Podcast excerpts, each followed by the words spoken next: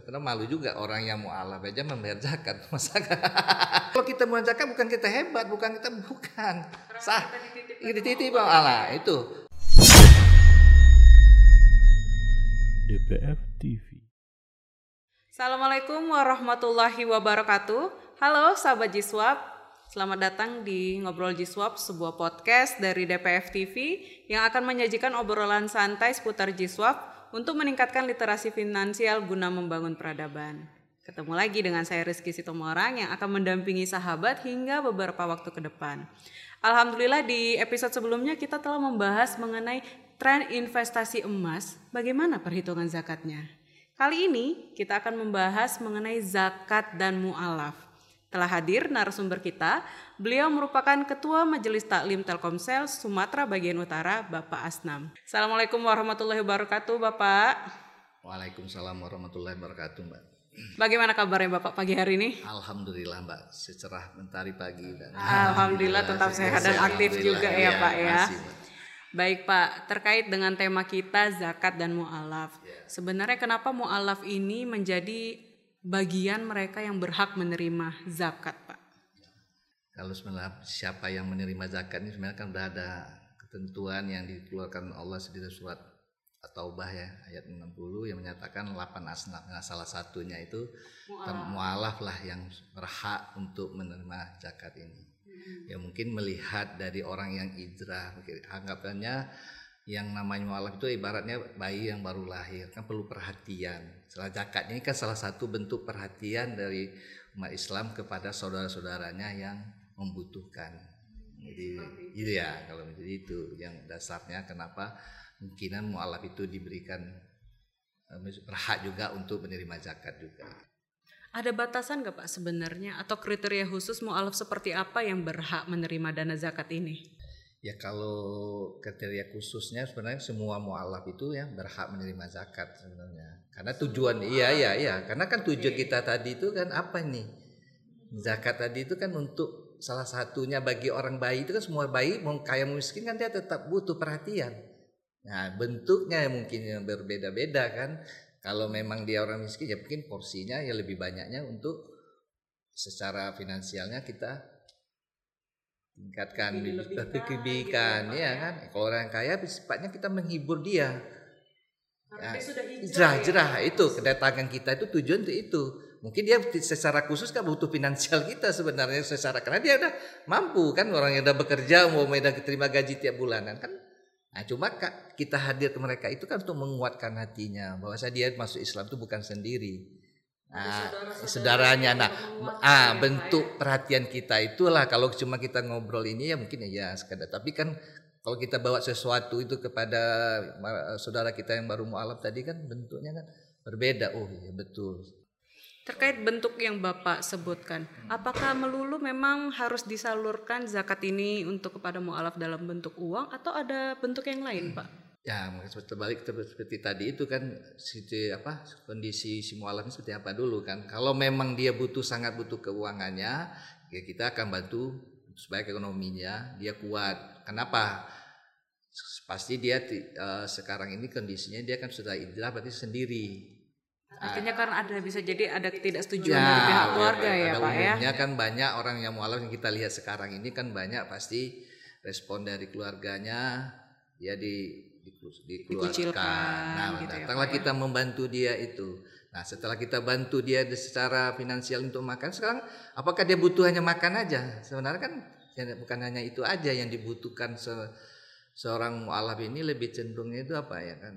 Tauhid tentang Islam itu. Kenapa? Apa yang membuat dia Karena dia benar-benar nol Nah, ya, Pak. ya? nol. Jadi tugas kita sebenarnya kalau saya bilang itu zakat kita tadi itu bisa aja bentuknya ya buku, ya memanggil guru ataupun apa eh, yayasan apa yang foundation yang sifatnya mualaf center. Mau- seperti mualaf center gitu ya, Pak ya. kan sebenarnya kan menampung orang yang baru masuk malam supaya dia dalam waktu tertentu dia udah yakin bahwa saya pilihan saya itu sesuai. Apa yang dicari dia itu kan pasti ada sesuatu. Orang masuk malam kan itu. Kenapa dia pindah? Itu pasti ada dicari. Nah kitalah yang harus Kita dukung kenapa dia mau masuk muslim itu yang kita kuatkan ya, Pak Nah, ya. itu yang kita cari. Kenapa dasarnya? Apa dasarnya?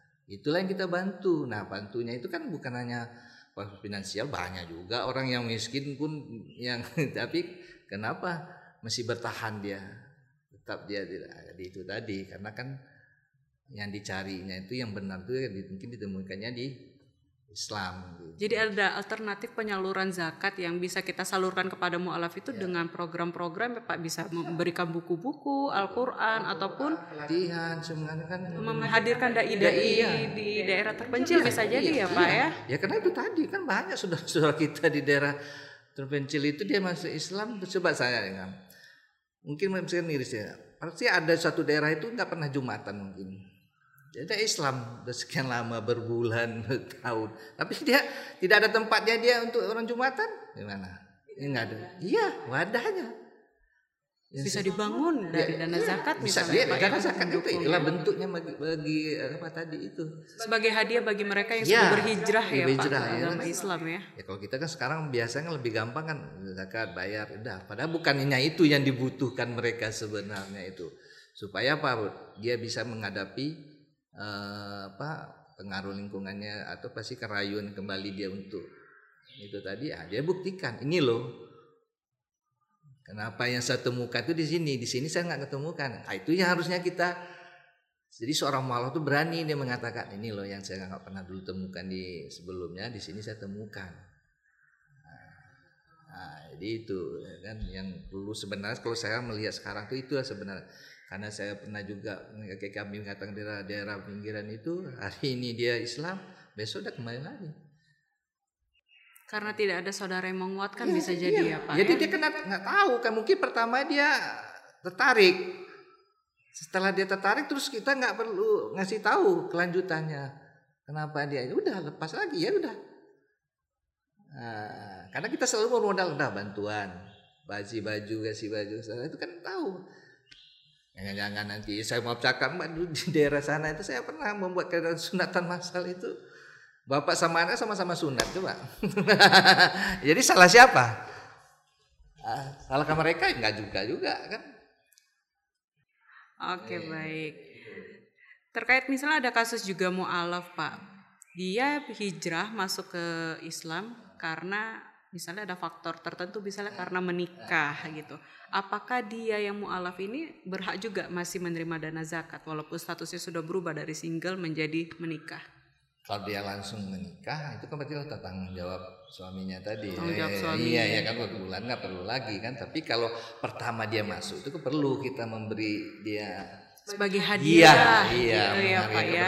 Jadi bukan sudah masuk ya, ke agama Islam nah, gitu itu. ya Pak. Tapi kalau sehari-harinya kan tidak rutin lagi. Kita, Karena sudah ada suaminya ya, ya, otomatis kan ya. suaminya mencukupinya itu kebutuhan. Bagi mualaf ada kewajiban membayar zakat nggak sih Pak sebenarnya? Kalau kita kaji zakat itu sangat kepentingan kan kewajiban bagi umat muslim. Karena si mualaf tadi udah muslim, otomatis sebenarnya dia termasuk orang yang wajib berzakat tapi kita lihat seperti apa kondisi si mualaf tadi. Kalau secara finansial dia memang udah cukup, udah secara nisab juga dia harus mengeluarkan zakat ya, dia harus mengeluarkan zakat. Artinya jika dia sudah menjadi muzaki, ya, wajib tetap mengeluarkan ya, zakat jadi ya, Pak, ya.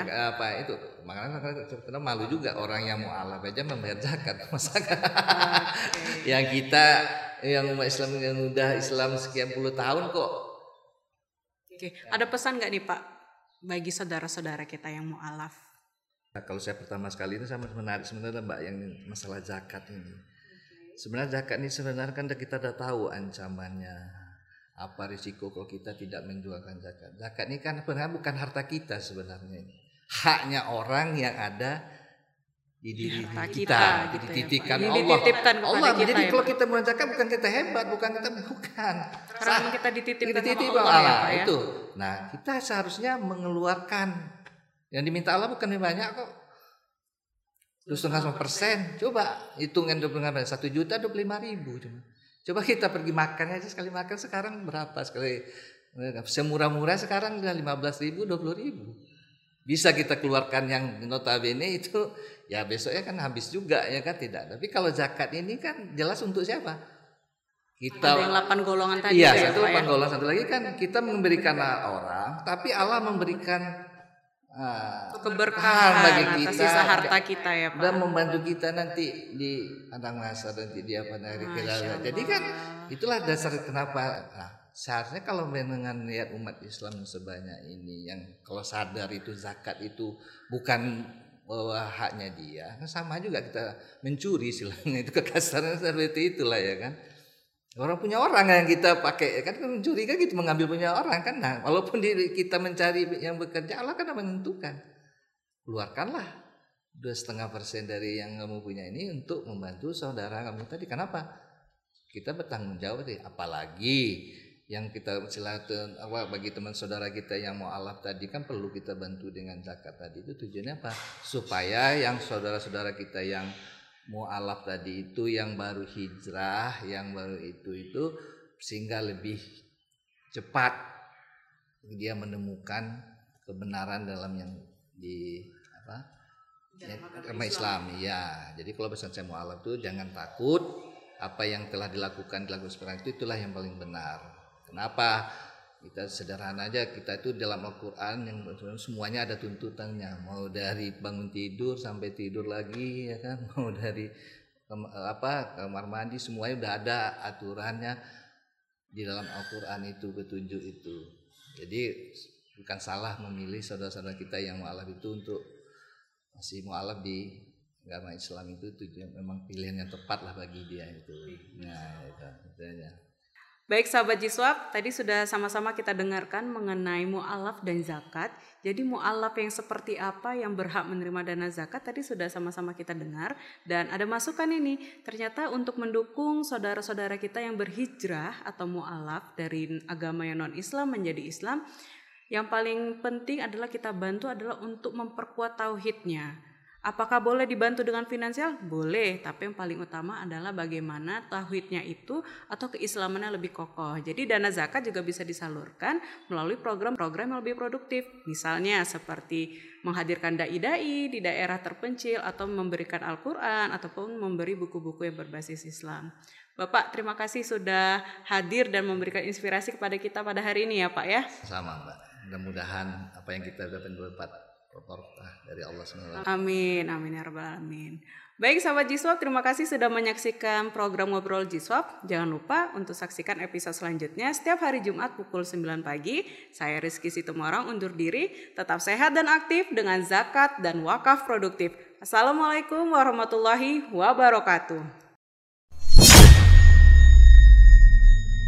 DPF